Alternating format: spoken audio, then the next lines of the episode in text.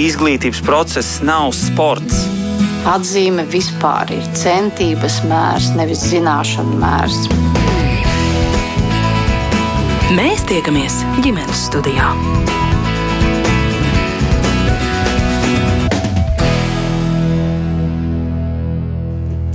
Labdien, raidījums ģimenes studijas sāk savu skanējumu. Jūs sveicināta producents Armīta Kolāta, mans vārds ir Agnese Linka. Ikvienam bērnam ir tiesības uz gaišu un mierpilnu nākotni, taču daudz bērnu nākotne mūsu valstī ir pavisam neskaidra. Latvijā ir vairāk nekā 3000 bērnu, kuriem dažādu psihisku un uzvedības traucējumu dēļ ir piešķirta invaliditāte, viņiem ikdienā nepieciešams vecāku un apkārtējo atbalsts. Cilvēka dzīves kvalitāte nosaka iespēju attīstīties, būt piemērotā izglītības darba vidē, saņemt eh, ārstniecības pakalpojumus, veidot pašam savu dzīves telpu un attiecības ar citiem, piedalīties arī sabiedrības dzīvē. Diemžēl daudz kas no šī mūsu valstī daļai sabiedrības netiek nodrošināts. Kāds ir bērna ar īpašām vajadzībām potenciāls iekļauties sabiedrībā un dzīvot pēc iespējas patstāvīgāku un jēgpilnāku dzīvi? Atbildes uz šo un citiem jautājumiem par savu bērnu nākotni Latvijā vecāku un eksperti meklēs diskusijā rīt, bet šodien dažus no viņiem esam aicinājuši uz sarunu ģimenes studijā, un es šeit sveicinu Latvijas autismu apvienības vadītāju Līgu Bērziņu. Labdien! Arī Latvijas autisma apvienības pārstāve Kristīna Bilē šodien kopā ar mums ģimenes studijā. Labdien! Un eh, telefoniski ar mums šeit kopā šodien arī psihiatrs Bērnu Kliniskās Universitātes bērnu psihiatrijas klīnikas vadītājs Nikita Bezbarodovs. Sveicināti! Labdien! Un arī Dita Rituma, kura ir mamma bērnam, viņas vecākajam bērnam nu jau 30 gadu un arī dzene invaliditāte. Labdien! Sveiki! Eh, un kā vienmēr teikšu jums, klausītāji, jūs varat pievienoties šai sarunai, ja rodas kas sakāms, varbūt kādi jautājumi vai jūsu aktuālā pieredze, droši rakstiet par to ģimenes studijā no Latvijas radio mājaslapas, bet es vispirms vērsīšos ar um, jautājumu, Kristīna, pie jums, kāpēc jūs inicijējāt tāda mm, pasākuma, šādas diskusijas uh, rīkošanu? Jā, es esmu māma bērnam ar autiskā spektra traucējumiem, kuram rītdien paliks seši gadi. Eh, tā kā ir sešu, gandrīz sešu gadu pieredze pašai ejot cauri šim ceļam, eh, kas saistīts gan ar eh, diagnostiku, gan ar terapijas pieejamību, gan ar pabalstu pieejamību. Un, skatoties to, ar kādiem izaicinājumiem es saskaros, viens no tiem izaicinājumiem ir arī informācijas pieejamības trūkums.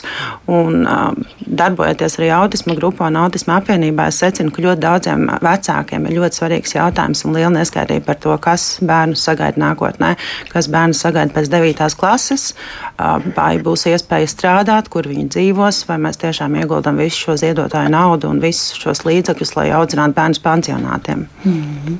nu, it kā dzīvojam informācijas laikmetā, un šķiet pēdējos gados īpaši daudz par to runājam, jūs tomēr sakat, ka informācijas nepietiek vai tā nav strukturēta? Mm -hmm. um, tad, kad bērnam uzstāda diagnozi, tad pārsvarā viņam neiedod rokas grāmatu par to, kur tagad vērsties un ko tagad darīt. Tas, ko vecāki saņem, ir diezgan garš saraksts ar ieteicamajām terapijām, bet pietrūkst informācijas, kur šīs terapijas var saņemt, kur var saņemt finansējumu, jo ne visas valsts apmaksā, un arī pašas būtiskākās, kas vislielākos uzlabojumus var panākt, tomēr tiek sponsorētas no ziedotāju naudas. Un arī par sociālo atbalstu sistēmu ir jāvēršās pašam vecākam un jāmeklē, jo es tiešām skatos, ka jautājumi atkārtojās. Un, ja būtu kaut kāda koncentrēta informācija, kur meklēt palīdzību, pie kā vērsties, un kā es esmu dzirdējis arī citās valstīs, tad, kad bērns pie diagnozes saņemšanas, viņ, viņš, bērna vecāki saņem ļoti izsmeļošu materiālu, kas viņiem šobrīd pienākās un kur vērsties pie palīdzības. Un tas mums, diemžēl, iztrūkst. Līdz ar to ir garais meklēšanas ceļš, ko es ar šo diskusiju vēl vēlētos arī daļai mēģināt risināt. Saīsināt nedaudz varbūt to mm -hmm. meklēšanas ceļu Rīgā, Līgā tu no savām eh, pozīcijām saredzi nepieciešamību mm, par šo runāt. Viennozīmīgi, jo tāpēc, ka nu, saka tā, ka tā, kad vienas durvis aizvarās, tad uh, nākamās atverās, bet ar tām durvīm uh, autismam vispār speciālo vajadzību jomā ir absolūti dīvaini, jo tāpēc, ka tajā brīdī, tad, kad šīs vienas durvis aizvarās kāds noteikts posms, piemēram, bērnu dārzs, tad atverās absolūts haoss. Un ļoti daudz šajos dzīves posmos vecākiem ir tā sajūta, ka viņi sāk visu no jauna, ja, un tie jautājumi patiešām cikliski periodiski atkārtojas. Mēs beidzam bērnu dārzu, kurā skolā tagad mācīties un kura skola ir iekļaujoša un kā viņam palīdzēt. Uh, un, un pēc tam ir panika par 9. klasi, ko tālāk darīt dzīvē. Tālāk ir nākamie tur kādi kursi beigsies, uh, ko darīt arī tālāk. Un, un faktiski līdz ar to mūsu vecāki nepārtraukti katras nākamās problēmas priekšā, katras nākamās krīzes priekšā. Viņi ir it kā tādā kritienā, kur īsti nevar saprast, kā viņus uztvert. Ja?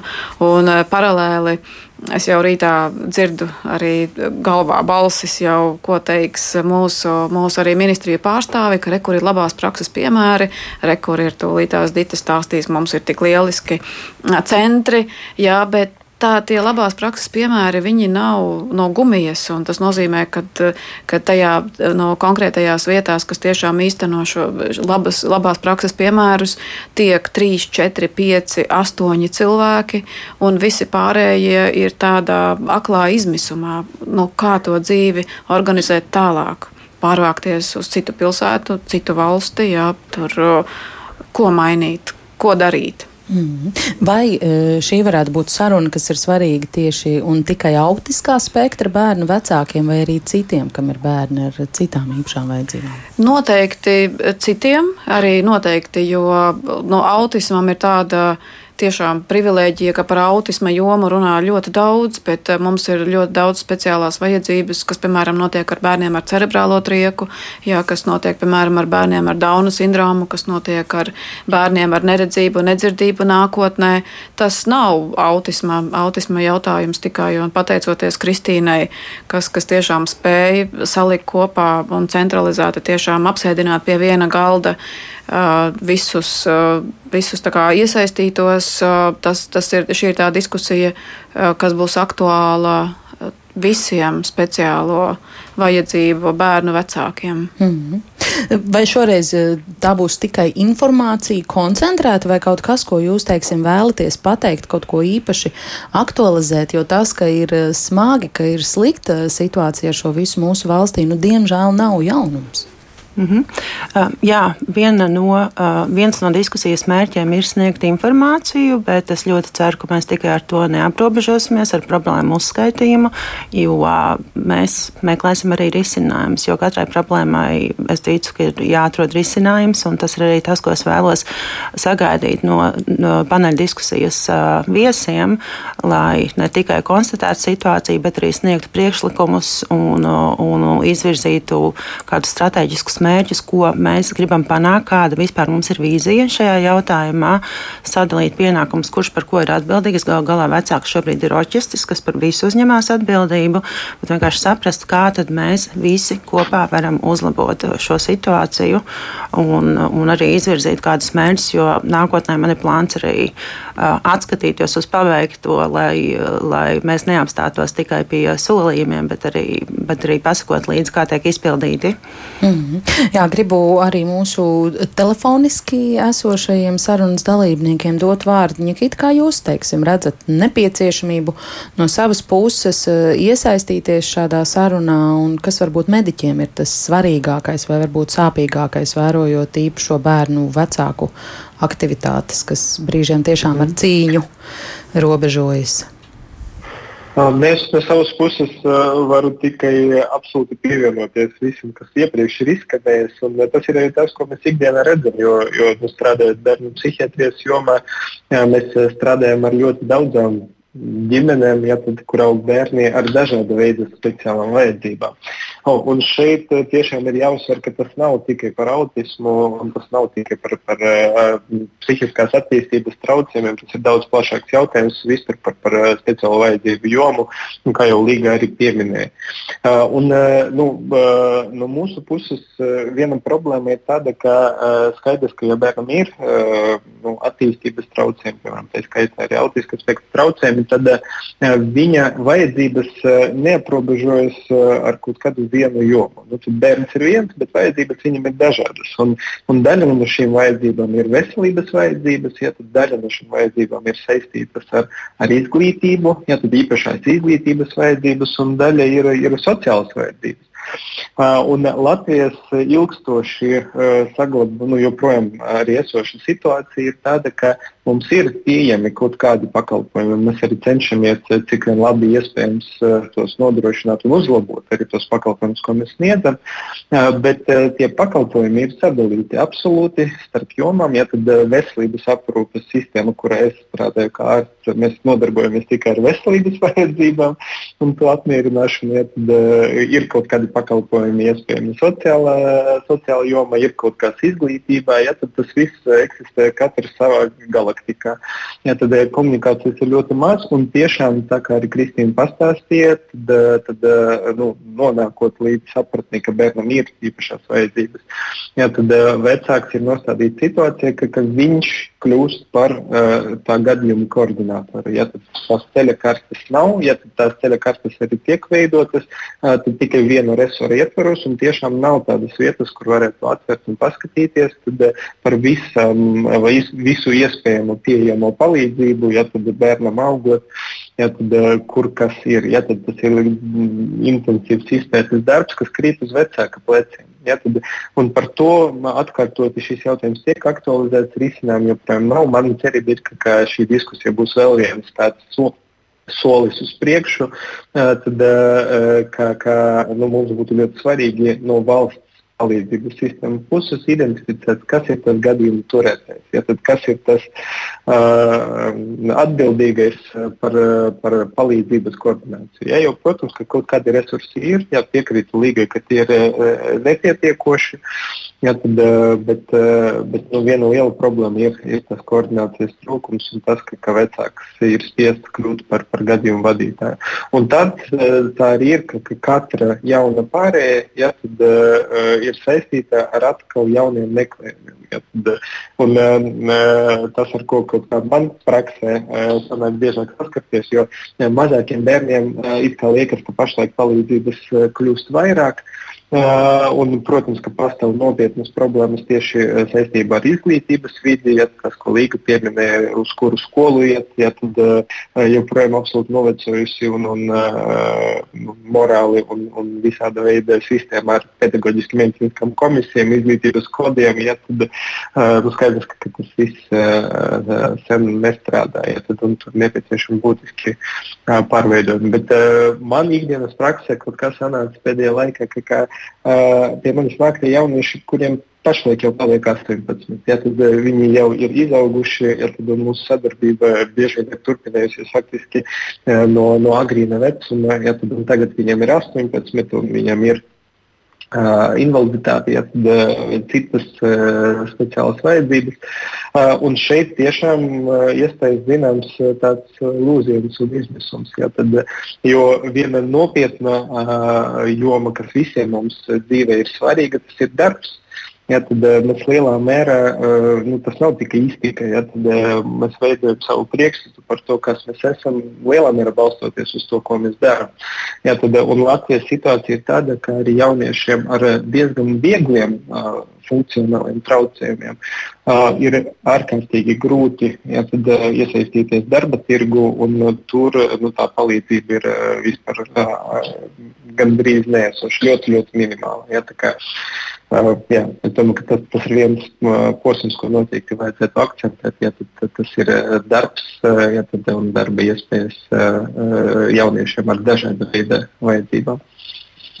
Labi, tad iesim pa Nikitas piedāvāto un iezīmēto ceļu šobrīd un uzrunājot Dītu. Es jautāšu, kāds ir tas jūsu stāsts, jūsu vecākais un vienlaikus īpašais bērns vairs eh, nebūt nav bērns, un jums iespējams jau ir savā pieredzē balstītas tādas atbildes un atziņas uz vairākiem no rītdienas diskusijai pieteiktajiem jautājumiem. Nu, viens no tiem, piemēram, jā, eh, vai manam bērnam ar īpašām vajadzībām reiz būs iespējas neatkarīgai dzīvei, kaut kādai karjerai, darbam, Dita, ko jūs atbildat, ja ir kāda vecāka, kas ir šī ceļa sākumā un kas jums eh, šobrīd to jautātu? Nu, mums laikam šodien nebūs tik daudz laika, lai es varētu pateikt visu to, visu to uh, emociju un, un, un gammu, kas man šobrīd spiež sirdi un kurpi, jo nu, es esmu tajā dzīves situācijā, kad man dēla nākotne sākās vakar. Respektīvi, nu jā, mans pieaugušais dēls ar ļoti smagiem un kompleksiem funkcionēšanas traucējumiem ir pieaudzis, viņam ir 30, un viņš joprojām dzīvo, protams, ka viņš dzīvo ar mums ģimenē. Un tā bija ļoti sāpīga situācija, par ko iepriekš minēt, jau iepriekšējie diskutētāji minēja par šiem pārejas posmiem. Tad, tad brīdī, kad mans bērns, mans dēls beidza skolu, tad uh, nebija šī pakalpojumu, kur, viņam, kur viņš varētu tālāk doties pēc skolas. Un, jā, es varēju tajā brīdī izvēlēties, vai turpināt savu darbu profesijā, pieprasītā profesijā. Es esmu ergoterapeite, kā zināt, ergoterapeiti ir pieprasīti. Vai arī iet prom no darba un rūpēties par savu dēlu. Un izvēle iet prom no darba nāca ļoti viegli, jo tā otra alternatīva bija ievietot man dēlu ilgstošajā aprūpē. Un tas ir kaut kas, ko vecāki tomēr nevēlas par spīti tam, ka ļoti daudzās darba grupās ministrijā uh, ierēģiņi argumentē, ka vecāki vēlās institucionālo aprūpi, jo redziet, te ir rinda. Bet tad, kad mēs runājam par izvēli, tad izvēle sākas, ja vis, ir vismaz divi piedāvājumi. Tad, tad doties vai nedoties, un doties pa labi vai doties pa kreisi. Un, uh, ja mēs to laiku nebūtu kopā ar kolēģiem un, pareizāk sakot, ar vēl vecākiem, izveidojuši dienas aprūpas centru jauniešiem ar ļoti smagiem funkcionēšanas traucējumiem, tad šī pakalpojuma nebūtu. Neviens cits mums viņu neradītu. Ja ir normāli, visā pasaulē tā ir bijis, ka vecāki virza pakalpojumu attīstību, jo vecāki ir savu bērnu vajadzību eksperti. Bet es gribu būt vienkārši mamma. Es negribu uh, nodarboties eh, ar eh, gadījuma vadīšanu. Es negribu cīnīties par sava bērna tiesībām dzīvot sabiedrībā. Nenoliedzami es baudu savu darbu un, un priecājos par to, ka es varu darīt to, ko es gribu. Pagājušajā nedēļā es biju vienā mācību seminārā Skandi, Zviedrijā, un, un tur arī uzstājās kāda trīsgadīga bērniņa mamma, un es neno, nenoliekšu. Es skatījos un klausījos viņas ziņojumu ar, ar zināmu skaudību par to, kā viņa strādā ar savu bērnu. Jo es redzēju mammu, nevis gadījumu vadītāju. Es redzēju mammu, kura bija droša par to, ka manam bērnam ir vieta dzīvē, manam bērnam ir nākotne, un mēs varam šobrīd priecāties, strādāt un baudīt dzīvi. Nevis cīnīties par manu bērnu tiesībām uz izdzīvošanu. Jā, mēs izcīnījām šeit uh, iespēju sniegt pakalpojumu, organizēt pakalpojumu, bet šis grupu mājas stāsts, jeb iespēja dzīvot manam bērnam neatkarīgu dzīvi sabiedrībā tagad, vai arī tad, kad es vairs nespēšu par viņu rūpēties, tas ir kaut kas tik sāpīgs un tik ļoti atziņojošs, ka tas ir neizturami. Es, ja godīgi sajūtu, uh, valsts nevēlēšanos, lai mums izdodas grupu mājas projekts. Jo tad vispār būs sistēmā jāskatās, kā strādāt savādāk. Un tā nevēlēšanās izpaužās ar argumentiem, bet ir taču DI projekts, un DI projekts ir tāds un šāds. Bet DI projekts ir tikai pagaidu risinājums un pagaidu atbalsts. Valsts atbalsta programmas, kas veidotu šo atbalsta sistēmu neatkarīgai dzīvei, nākotnē mūsu bērniem, nav. Mūsu valsts piedāvā vienu vienīgu iespēju ievietot mūsu bērnus ilgstošajā aprūpē, ko tiesības sargs ne, nu, nebūtu ne tik sen ļoti sirsnīgi nosauc par nomirtuvi. Tā es šodien jūtos. Līga, ko tu domā, Dita teiktajā klausoties? Jā, um, jā nu, diemžēl, diemžēl tā ir tāda nu, atsvaidzinoša perspektīva. Nu, cilvēkiem, kas skatās hiperpozitīvi uz nākotni, jo, jo diemžēl, diemžēl tā ir taisnība. Un, un tiešām paldies arī Dita tev par to, ka neskatoties uz to perspektīvu, tu joprojām cīnies. Un, jo tāpēc, ka, tāpēc, ka ļoti daudz vecāki nogurst tajā ceļā. Un tajā brīdī, ja nav nevienas balss, kas saka, viņi saka, bet neviens jau nesūdzās, nevien, visiem taču labi, ja, bet kāpēc viņiem ir labi? jo tāpēc, ka vecāki, kuri 24, 7 rūpējas par bērnu, un viņiem pat, viņi pat citreiz guļ 3-4 stundas, jo bērni ar autismu var negulēt diennaktīm. Jā, viņiem nav laika sēdēt politikas plānošanas sapulcēs un, un, un zvanīt 18 speciālistiem. Varbūt kādam šodien ir atbrīvojies laiks encefalogrammai, lai es beidzot arī varētu saņemt invaliditāti. Un, un es arī pievienošos Ditai par, par arī starptautisko pieredzi, un Kristīna noteikti arī padalīsies par Vācijas pieredzi. Jā, jo tas, tas lielais starptautiskais jautājums ir arī tiešām par šo neatkarīgu dzīvi. Un, ja, piemēram, starptautiski ir tomēr pieņemts, ka ik viens cilvēks var strādāt, un arī, piemēram, Dānijā viņiem ir tā, ka, ja viens cilvēks var kustināt pirkstu, tad tas nozīmē, ka viņam var atrast darbu, kur viņš to pirkstu arī var kustināt, un ikvienam ir tiesības būt gan iesaistītam, gan noderīgam. Un tas, ko arī Nikita minēja, ka šī nodarbinātība ir arī mūsu identitātes jautājums, jā, un, un ļoti, daudz, ļoti daudz mēs atrisinātu tikai tad, ja katram izdotos atrast jēgpilnu darbu, jā, bet tagad es metīšu akmeni speciālo skolu no, no laukā, jo, piemēram, mums ir Latvijā skolas, kur bērniem ar speciālām vajadzībām māca atšķirt žurnālistikas stilu no literārā stila. Un sakiet, lūdzu, kur bērnam ar, ar, ar, tiešām ar, ar attīstības grūtībām šīs zināšanas tālāk noderēs dzīvē. Jā. Tā vietā, lai viņš mācītos tiešām profesionālās prasmes un, un kļūtu par labu darbinieku kādā, kādā konkrētā vidē.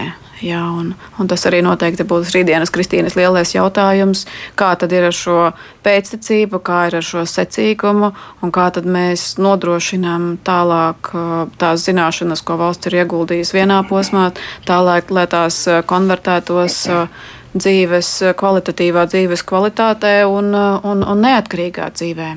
Mm. Kristīna grib arī jums vaicāt, jums kā mammai, jūs redzījuma iesākumā minējāt rīt, jūsu bērnam ir sešu gadu dzimšanas diena, jūs esat uz viena no šiem sliekšņiem. Iespējams, ka bērnu dārsts diezgan drīzā pārskatāmā nākotnē vairs nu, nebūs jums aktuāls, un jūs būsiet tā, tās durvis vēruši kopā, ko sauc par skolu. Ko jūs eh, domājat eh, šajā visā klausoties tajā, ko saka eh, Līga un, un Dita pirms brīža? Mhm. Man liekas, mēs visi esam viensprāts par to atkritienu un par to jauno krīzi, uzsākot jauno posmu, jo to es vēl nebiju teiks, bet es pilnībā piekrītu, ka tā tas ir, jā, lai es izgāju cauri tādai atļaušos teikt, elītē, lai atrastu bērnam piemērotu dārziņu. Un ar ceturto reizi tas izdevās. Un, um, nākamajā gadā skatīsimies uz skolas iespējām. Protams, es sāku jau aktivizēties. Un, um, pavērās tieši tas pats, kas bija meklējot dārzeņus. Mm.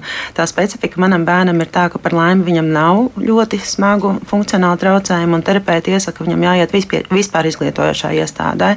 Kad mēs meklējām pirmskolas izglītības iestādi, visas trīs Rīgas pašvaldības dārziņi, kur mēs stāvējām rindā, teicās uzņemt man bērnu, sakot, ka viņam nav nepieciešamo iespēju, lai bērns, bērnu tur uzņemtu. Un pat viens dārziņš pateica, ka tiesības man ir viņu tur likt, bet man jārēķinās, ka bērnam tur būs ļoti slikti. Nu, tad, kurš vecāks gribētu, lai bērnam būtu ļoti slikti? Un tad, tad, tad bija garš ceļš arī ar, pasva, ar privātiem dārziņiem, jo tas, ko viņi saka, tur, tur daudz bērnu ar īpašām vajadzībām nonāk, bet um, viens, divi grupiņā var būt. Viņi saka, mums vairs nav vietas jauniem bērniem.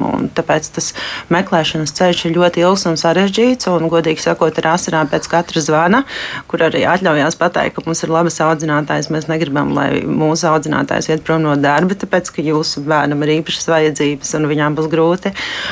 Un, jā, un tagad sākas viss tas pats ceļojums ar skolu, jo vispārējā izglītības iestādē es domāju, ka mans bērns nevarēs iejusties. Un, ja pēc līdzinājās pieredzes man nekas neliecina, ka viņa tur kāds arī gaidītu un ka viņam kāds radītu apstākļus, lai viņš tur labi justos, speciālā izglītības iestādē viņam neiesaka iet, jo viņš ļoti kopē ar citu bērnu darbību, viņš mācās no citiem bērniem un, attiecīgi, progresē ar neirotipiskiem bērniem kopā. Un tas atkal noved mūs pie privātās skolas, kur ir ierobežots iespējas, plus tas ir papildus finansējums vecākiem. Ja mēs ņemam vērā arī dažādi terapiju izmaksas, tad, tad nu, tas ir diezgan liels finansiālais sloks. Bet citu risinājumu es šobrīd tādu man, man nenāk prātā. Mm. Un te mēs nonākam pie šī jautājuma, vai iekļaujošā izglītība pastāv arī eh, reāli dzīvē vai tikai ministriju dokumentos. Tas ir viens no problēma aspektiem, ko jūs plānojat rīt eh, pārunāt diskusijā jā, plānojam arī šai tēmai pieskarties. Es ticu, ka ir. Es esmu dzirdējis par piemēriem labiem, kur ir iekļauti bērni. Um, Vācijā bija arī, nu, pat kā biju apmaiņas braucienā, bija satikos ar Valmieras. Uh, neatceros precīzi, kuras skolas direktori, kur ļoti aktīvi iesaistās to, lai bērniem ar īpašām vajadzībām izstrādātu piemērots materiāls, lai viņus iekļautu. Viņi tiešām uh, to ar, ar uh, lielu entuziasmu un aizrautību dara. Tā kā tāds pieredzes ir, diemžēl tā nav nu, teiksim, norma. Tas ir vairāk tā kā, um, tā kā izņēmums no normas šāda veiksmīga pieredze ar iekļaujošām izglītības iestādēm. Un runājot arī ar citām mamām, ir mammas, kas mēģina iekļaut bērnus, kuriem ir tas sauktais 56. kods pēc mūsu uh, koda sistēmas, un bērns tur neiejūtās. Tad viņam kārto garīgo atpalicību 58. 59. kodu, lai viņu uzņemtu speciālā skolā. Nu, man šķiet, tas ir gana bēdīga situācija. Mm. Es atgādināšu, ka ģimenes studijā mēs šodien uh, ar Latvijas autismu apvienības vadītāju Līgu Bērziņu un pārstāvu Kristi Kristīnu Bilēju, kā arī uh, bērnu psihiatru un, uh, un ergoterapeitu un arī īpašā bērna māmu Ditu Ritumu runājam par to, kādas ir bērna ar īpašām vajadzībām potenciāls iekļauties sabiedrībā un dzīvot pēc iespējas patstāvīgāku uh, dzīvi. Un, uh, jā, tas, kas šeit jau uh, iezīmējās, gribētos būt vecākiem, nevis Nikita pirmais to jēdzienu minē, minēja, nevis gadījuma vadītājiem, tad es Jums arī vecāšu, kam tad ir eh, jānotiek? Lai vecāki varētu būt eh, tikai mammas vai tēti, nevis gadījumu vadītāji, Nikita. nu, tas ir tas lielais jautājums, jo, protams, ka uh, nu, sistēmas jau ir dažādas, dažādās valstīs. Ja, tad, uh, un, un tie risinājumi, nu, ka kas kurā kurā posmā, tad, kur ir piederīgs tas, tas gadījuma vadītājs. Viņi var būt dažādi. Ir svarīgi, ka, ka tāds gadījuma vadītājs ir. Jā, tad, tā ir mūsu dot, dotā brīža problēma. Ja tā gadī, gadījuma vadītāja nav, tad gadījuma vadītājs var arī iespējams dažādos posmos atrasties pie dažādiem resuriem. Ja, jo, mēs runājam par, par maziem bērniem, tad nu, mēs gribam īpašās vajadzības atpazīt ļoti agri, pēc iespējas un sniegt pēc iespējas intensīvāku palīdzību, jo mēs zinām, ka, ka tas ir nu, ļoti efektīvs darbs. Ja, bet, kad bērns ir ļoti mazs, viņam īpaši nav uh, saskarsmes ar izglītības sistēmu, ja, tad varbūt arī ar sociālo aprūpi viņš ir veselības sistēmas kontaktē, ja primāra veselības aprūpe, ģimenes un tā tālāk. Un iespējams, ka, ka pirmajā posmā tam gadījumu vadītājiem ir jāatrodas veselības aprūpes sistēmā. Jā. Bet tad bērns nonāk līdz skolai, jā, tad, un, un iespējams, ka, ka, ka nu, to stafeti var nodot. Jā. Bet problēma ir tāda, ka, ka tam procesam ir jābūt koordinētam, jābūt skaidram. Jā, tad pie kā tad vērsties, kas ir tas, kas var uh, nu, palīdzēt eh, savilkt visus tos resursus kopā un, un eh, nu, tikt eh, līdz palīdzībai. Ja, tad dotie brīdī tas tiešām ir tikai vecāks. Un, un, nu, es esmu savā praktiskajā darbā redzējis daudz un dažādus stāstus. Un daži no tiem stāstiem ir, uh, ir labi, ja, tad, un, un daži ir, ir ļoti, ļoti skumji. Ja, tad, un, nu, tad, tad, uh, galvenais, kas atšķir tos stāstus, ja, tad, tas ir uh, tas, cik eh, lielu enerģiju, milzīgu, ja tad uh, vecāks, konkrēts vecāks ir ieguldījis, lai atrastu uh, savu bērnu tās iespējas. Un tā nevajadzētu būt. Ja tad visiem mums, kā, kā sabiedrības locekļiem, ir jābūt vienlīdzīgām iespējām, ja piederēt, piedalīties, realizēt savu potenciālu. Uh, Ja tā kā nu, skaidrs atbildes dotie brīdi, kur tad Latvijas kontekstā ar mūsu eksistējošu sistēmu ir jābūt uh, tam gadījumu vadītājiem, nav. Uh, nu, tas, ko es esmu dzirdējis uh, ilgu gadu sarunās daudzās ar dažādām institūcijām, nu, varētu būt, ka, ka visdrīzāk uh, tas, uh, tā funkcija būtu piederīga sociālas. Uh, labklājības ministrijas ja, sistēmai, bet, bet, bet nekas tālāk dotajā brīdī man nav zināms veids, kur kāda virzība. Varbūt kādiem citiem no diskusijas šīs sarunas dalībniekiem ir. Ja, es, starp citu, gribu jums arī pajautāt, kā jūs formulējat atbildi uz jautājumu, vai iekļaujoša izglītība ir Latvijā šobrīd īpašajiem bērniem iekļaujoša? Nu, es domāju, ka dotajā brīdī Latvijā nav iekļaujošas izglītības kā tādas. Jo, kad mēs runājam par iekļaujošu izglītību, ir jāsaprot, ka mēs nerunājam par bērniem tikai ar īpašām izglītības vajadzībām. Iekļaujoša izglītība attiecās uz visiem bērniem. Jā, tad, un, ja mēs runājam par to tādā kontekstā, tad uh, dotie brīdī, protams, ka ne, Latvijā iekļaujuša izglītība neeksistē pašlaik. Līga. Jā, un tur ir vēl kas ir ļoti svarīgi saprast, ar ko atšķirās atsevišķi pozitīvi gadījumi no sistēmas. Un tā liela atšķirība ir tāda, ka sistēmā nomainot vienu vienību, sistēma turpina strādāt. Jo, piemēram, Kristīnas minētā Valmieras rajona direktore, kas tik lielisku darbu dara, no mums jājautā, kas notiks, ja tā direktore aizies prom. Eh, vai šajā brīdī skola paliks tikpat iekļaujoša, ja, kad šajā brīdī profesionālis nedegs par to un tur nāks vietā kaut kas cits. Ja, un, un tas ir tāpatās arī citās izglītības iestādēs, kur tiešām atsevišķi pedagogi deg par savu eh, lietu. Un, eh, un vai arī, piemēram, Dita, es atsaukšos arī uz tevi, ja kas notiks tajā brīdī, ja, piemēram, Dita beidzot paņems rehabilitācijas pauzi un uz, uz gadu, piemēram, kaut kur aizdosies prom un uh, un, un, un, eh, un tiešām parūpēsies par savu veselību. Nu, labi, varbūt tur es ticu, ka tur ir komanda eh, nokomplektēta un, un šī mazā vienība strādās. Ja, bet tā nav sistēma. Sistēma ir tad, kad mums ir konkrēti standarti un vecāki var būt droši, ka tajā brīdī, tad, kad viņi nonāk izglītības iestādē, tad uh, tur jūtas droši visi ja, un, un iekļauti tiešām ir visi. Un arī bērni ar speciālajām vajadzībām, un arī ļoti talantīgi bērni, kas ir īpaši, un ir tāds īpašs termins, kas ir divkārt apdāvināti bērni. Vai Divkārt īpaši eh, bērni, kas ir bērni, kuriem ir, eh, ir, ir, ir eh, attīstības traucējumi un ļoti augsts intelekts. Ja? Un, un mums ir ļoti daudz tādu bērnu, un arī viņi lido ārā no skolām kā korķi. Ja? Un šajā brīdī ar katru šo zaudēto bērnu, ko sistēma zaudē, mēs zaudējam milzīgu arī intelektuālo potenciālu.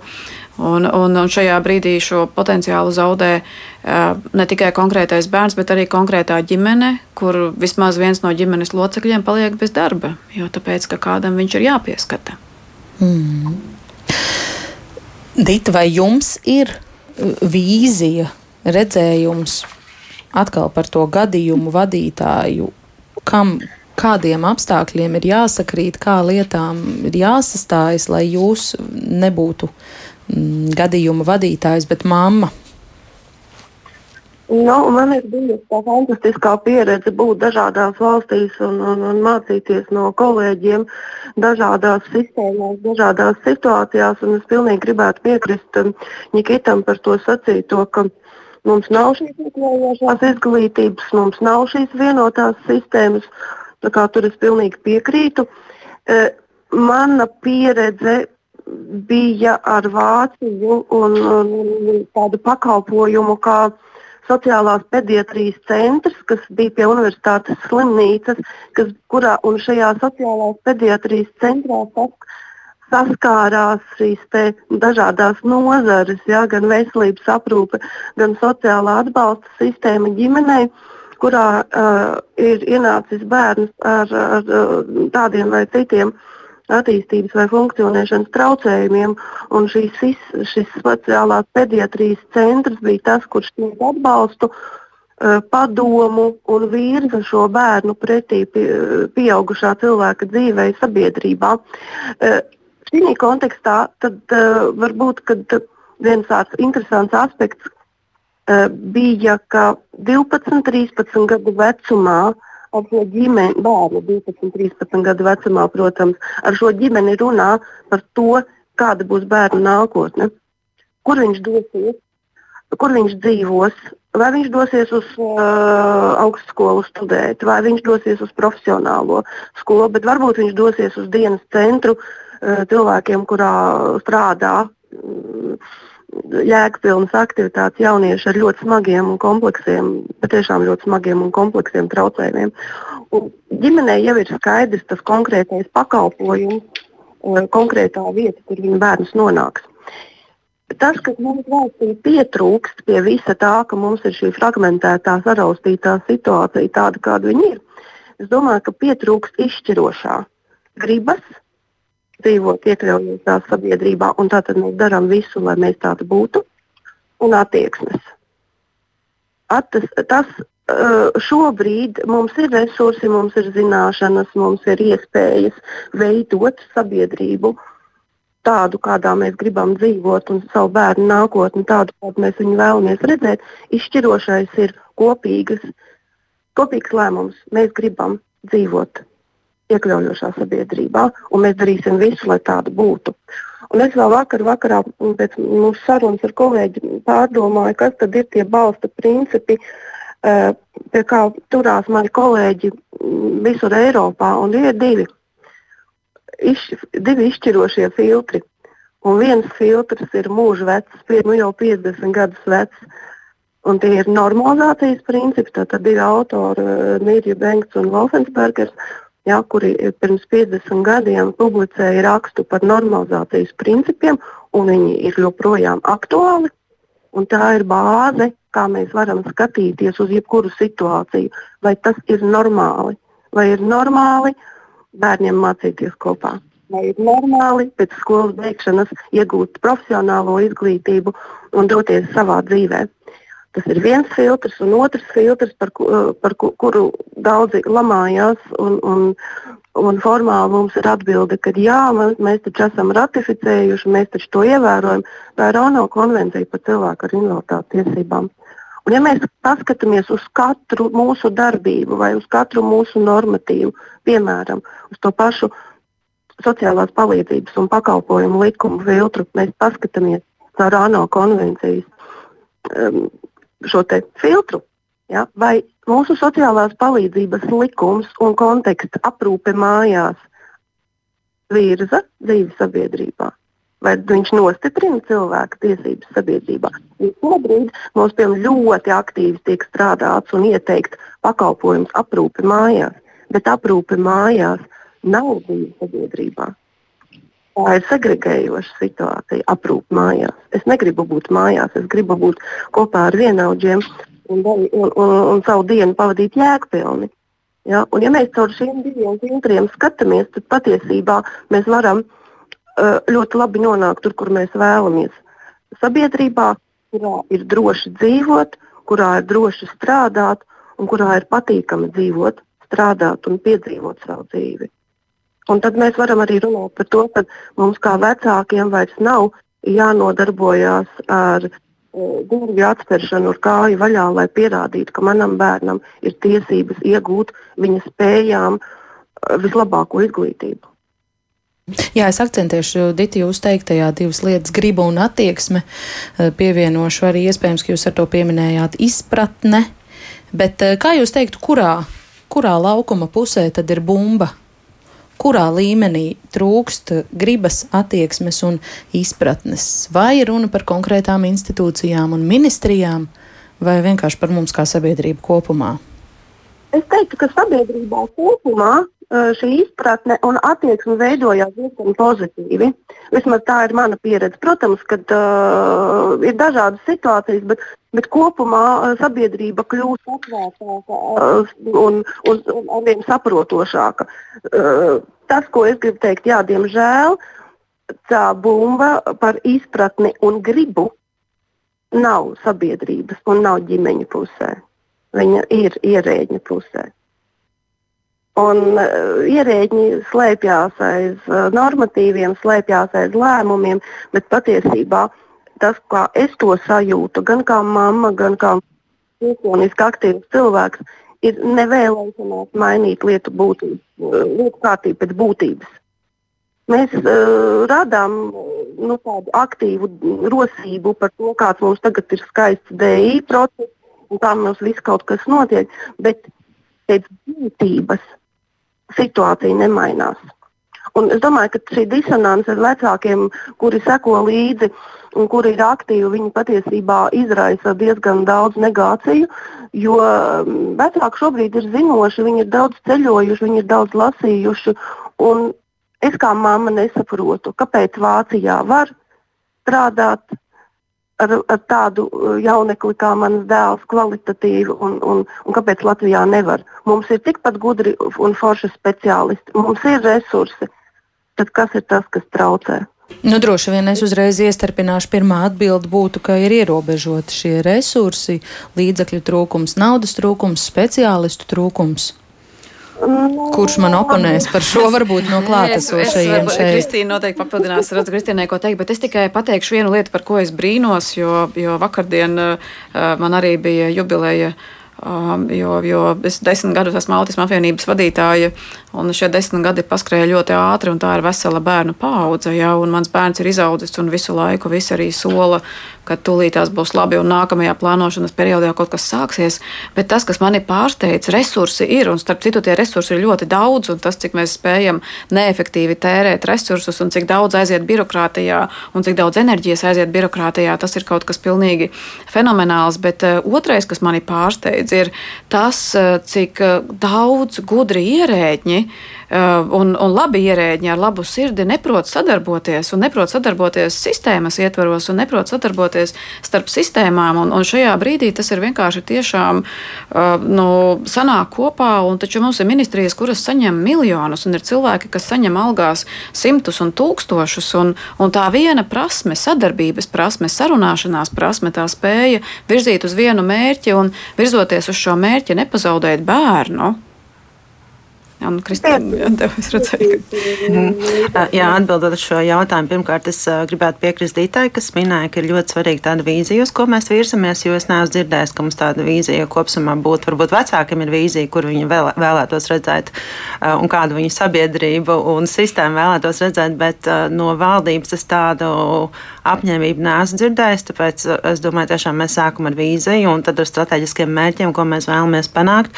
Un tieši tas bija arī iemesls, kāpēc es aicināju šos, mēs aicinājām šos visus runātājus, lai mēs sasēstos pie viena galda, lai mēs runātu par konkrētiem jautājumiem un uzņemtos atbildību, ko tad mēs, ko tad pirmkārt saprast, ka mēs kā komanda to darām, uzņemties to atbildību un tad apņemšanos uzlabot situāciju. Jo kāpēc mēs varam secināt, ka neskatoties uz dažādiem projektiem un dažādām iespējām, pa kurām varētu pastāstīt, kāpēc nav viss tomēr labi. Pēc statistikas datiem no 20 tūkstošiem cilvēku, kas ir darbspējīgā vecumā ar garīga rakstura invaliditāti, nodarbināti ir 16%. Tātad 84% nestrādā. Ja mums sistēma tik uh, labi darbotos, kā mēs reizēm mēdzam teikt, ko gan vecāki nepiekrist, kam vecāki nepiekrist, tad mēs nebūtu pie šādas nodarbinātības mm. situācijas. Bet, piedodiet, nu, kā tad es nedaudz paprovocēšu, nu, kā tad jūs sagaidat, kāds būs tas ierēģi un ministrijas pārstāvju tāds, nezinu, sausais atlikums no piedalīšanās rīt diskusijā ar jums, vai jūs cerat, ka viņi uzzinās ko jaunu? Visticamāk, ka nē, vai viņi sadzirdēs īpašo bērnu vecākus labākus. Ko jūs cerat? Nu, tā mhm. vienkārši jautājot. Es ceru uz to, ka viņi ir visi vienā istabā un uh, viņi tur visi ir klāt lielākā daļa no cilvēkiem un, un pārstāvjiem, kas ietekmē mūsu bērnu nākotni. Un, uh, un, un uz to, ka mēs nevaram novelt atbildību uz kādu citu un vienkārši uz sadarbību un uz atbildības dalīt uzņemšanos, kurš tieši par ko ir atbildīgs un ko mēs šajā sakarā grasamies darīt, par ko mēs arī pēc kāda laika esam gatavi pastāstīt, ka jā, uz to mēs virzamies. Mm. Tādi bija mūsu mērķi, un, un to mēs darīsim. Un vienoties par atbildības sadalījumiem. Es varu pieminēt, ka man aizvakar bija lieliski iespēja parunāties ar Karinu Petersonu no Bērnu slimnīcas fonda, kas ir fonda pārstāve. Viņa man iepazīstināja ar Bērnu slimnīcas fonda izstrādāto programmu bērniem ar autiskā spektra traucējumiem 21. līdz 25. gadam. Un tur ir ļoti konkrēti, ļoti labi ierosinājumi un arī mm. nodalītas atbildības izņemot to, ka ir pagājuši gandrīz divi gadi un tas nav realizējies praksē. Tā kā es domāju, ka ļoti svarīgi ir visu lietu atsakošana. Nepietiek ar to, ka mēs kaut ko uzrakstām un apņemamies, bet mēs ejam un prasām atbildību un skatāmies līdzi, kā tie mērķi tiek izpildīti. -hmm. Līga vēl gribēja kaut ko piebilst? Jā, es, es atgriezīšos pie tādiem izmērāmajiem mērķiem, to jautājumu, ko diskutēja jau Nikita un aktualizēja. Um, un ko neatrisināja iepriekšējā valdība, kurš būs gadījuma vadītājs. Un, ja mēs atrisinātu kaut vai tikai šo vienu jautājumu, Nikita, varbūt, jā, es nezinu, kā, kā, kā pārējie diskusijas dalībnieki redz, bet, bet pat ja, tas, ja, ja mēs to izdarītu, tas jau būtu tik daudz. Mm -hmm.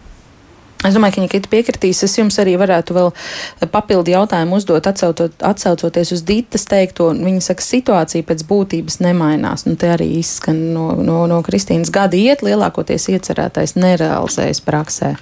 Varat tam piekrist, un, un, un varbūt arī jums ir redzējums. Kas pie vainas?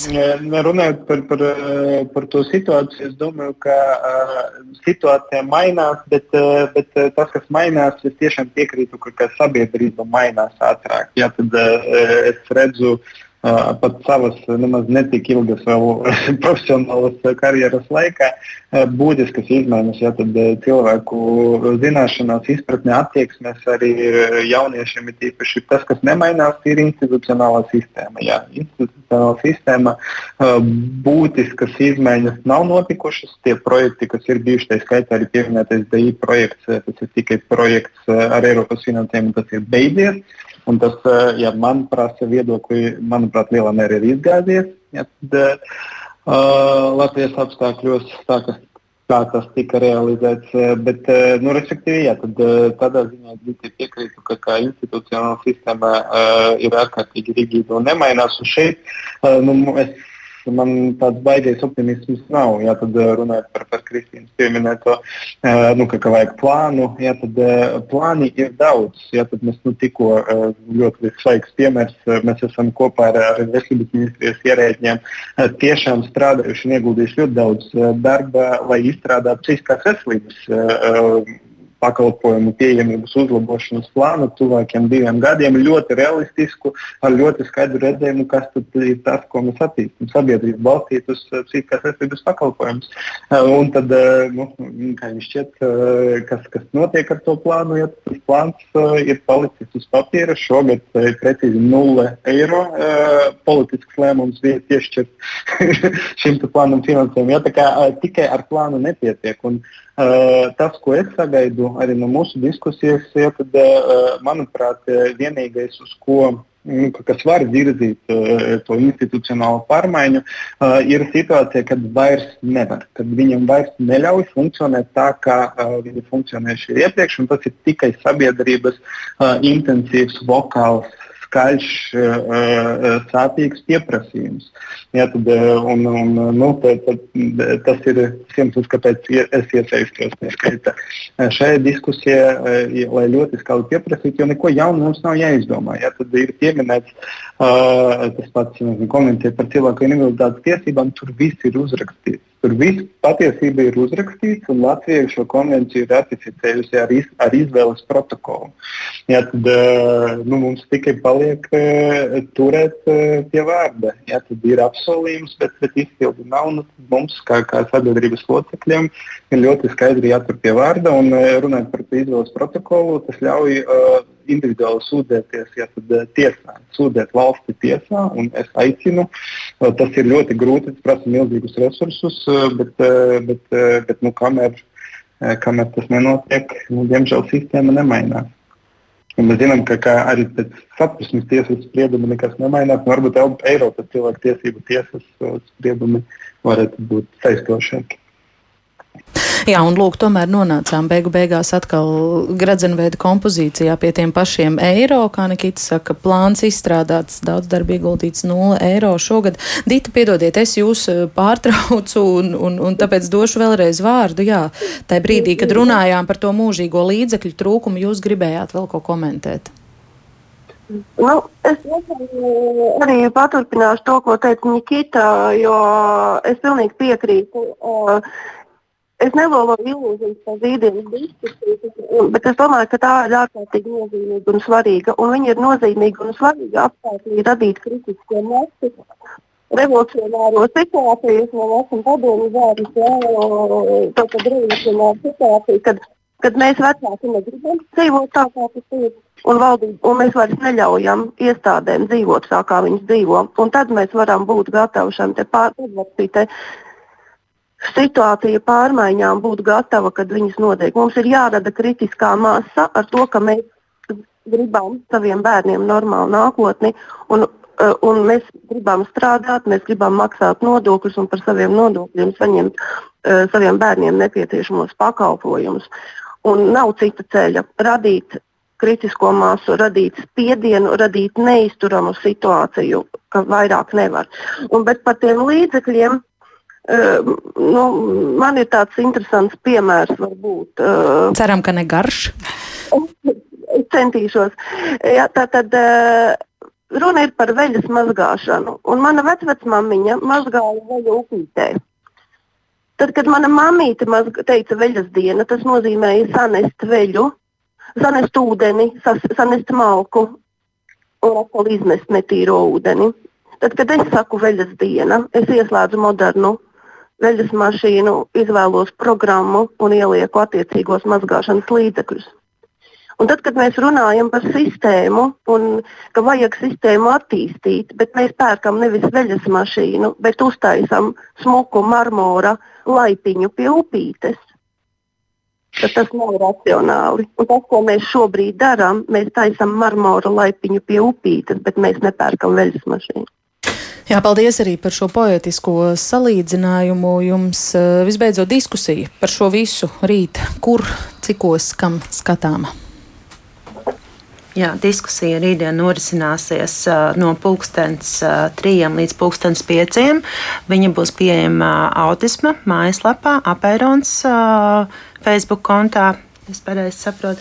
Un mēs arī pateicamies par informatīvo atbalstu Delfī māmām un tētiem. Uh, Un LSM arī un LSM. šķiet translēs Jā. šo sarunu no trījiem līdz pieciem demogrāfijas stratēģus tautas ataudas plānotājs nesat aicinājuši, jo es zinu, ka tur ministrijas, izglītības zinātnes ministrija, labklājības ministrija, veselības ministrija, bet šis jautājums ir saistīts arī ar demogrāfiju, jo daudz laika to apspriest mums vairs nav, bet tas ir jautājums par cilvēku, par topošo vecāku drošības sajūtu un tāpēc arī par vēlmi un pārliecību Latvijā radīt pēcnācējus. Mhm. Jums ir taisnība, un es domāju, ka mēs varētu vēl krietni izvērst un papildināt diskusiju, bet uh, mums ir gana plašs uh, profesionāļu klāsts un ekspertu klāsts, un, un ceram panākt rezultātu ar tiem cilvēkiem, kas mums rītdien piedalīsies. Jā, paldies par sarunu ģimenes studijā. Es šodien saku Kristīnai Bilējai, Līgai Bērziņai, Nikitam Bezbarodovam un Ditai Ritumai. Radījumu šodien veidojas Armīta Kolāta, Regīna Bieziņa, mans vārds ir Agnese Linka. Kāpēc daļā gadījumu netiek nodrošināta veicināta vecāku saskarsme ar bērnu, lai gan dažādi tiesu spriedumi un citi lēmumi to paredz. Nu, kā šo situāciju varētu mainīt? Jā, nesenais Eiropas cilvēktiesību tiesas spriedums, kur Latvija ir zaudējusi lietā par nespēju vecākam ļaut saulēcīgi satikt savu bērnu, par to sarunu ģimenes studijā rīt. Kā vienmēr no diviem līdz trījiem klausieties mūs arī podkāstos, mobilajā lietotnē, sekojiet sociālos tīklos un uz sacirdēšanos.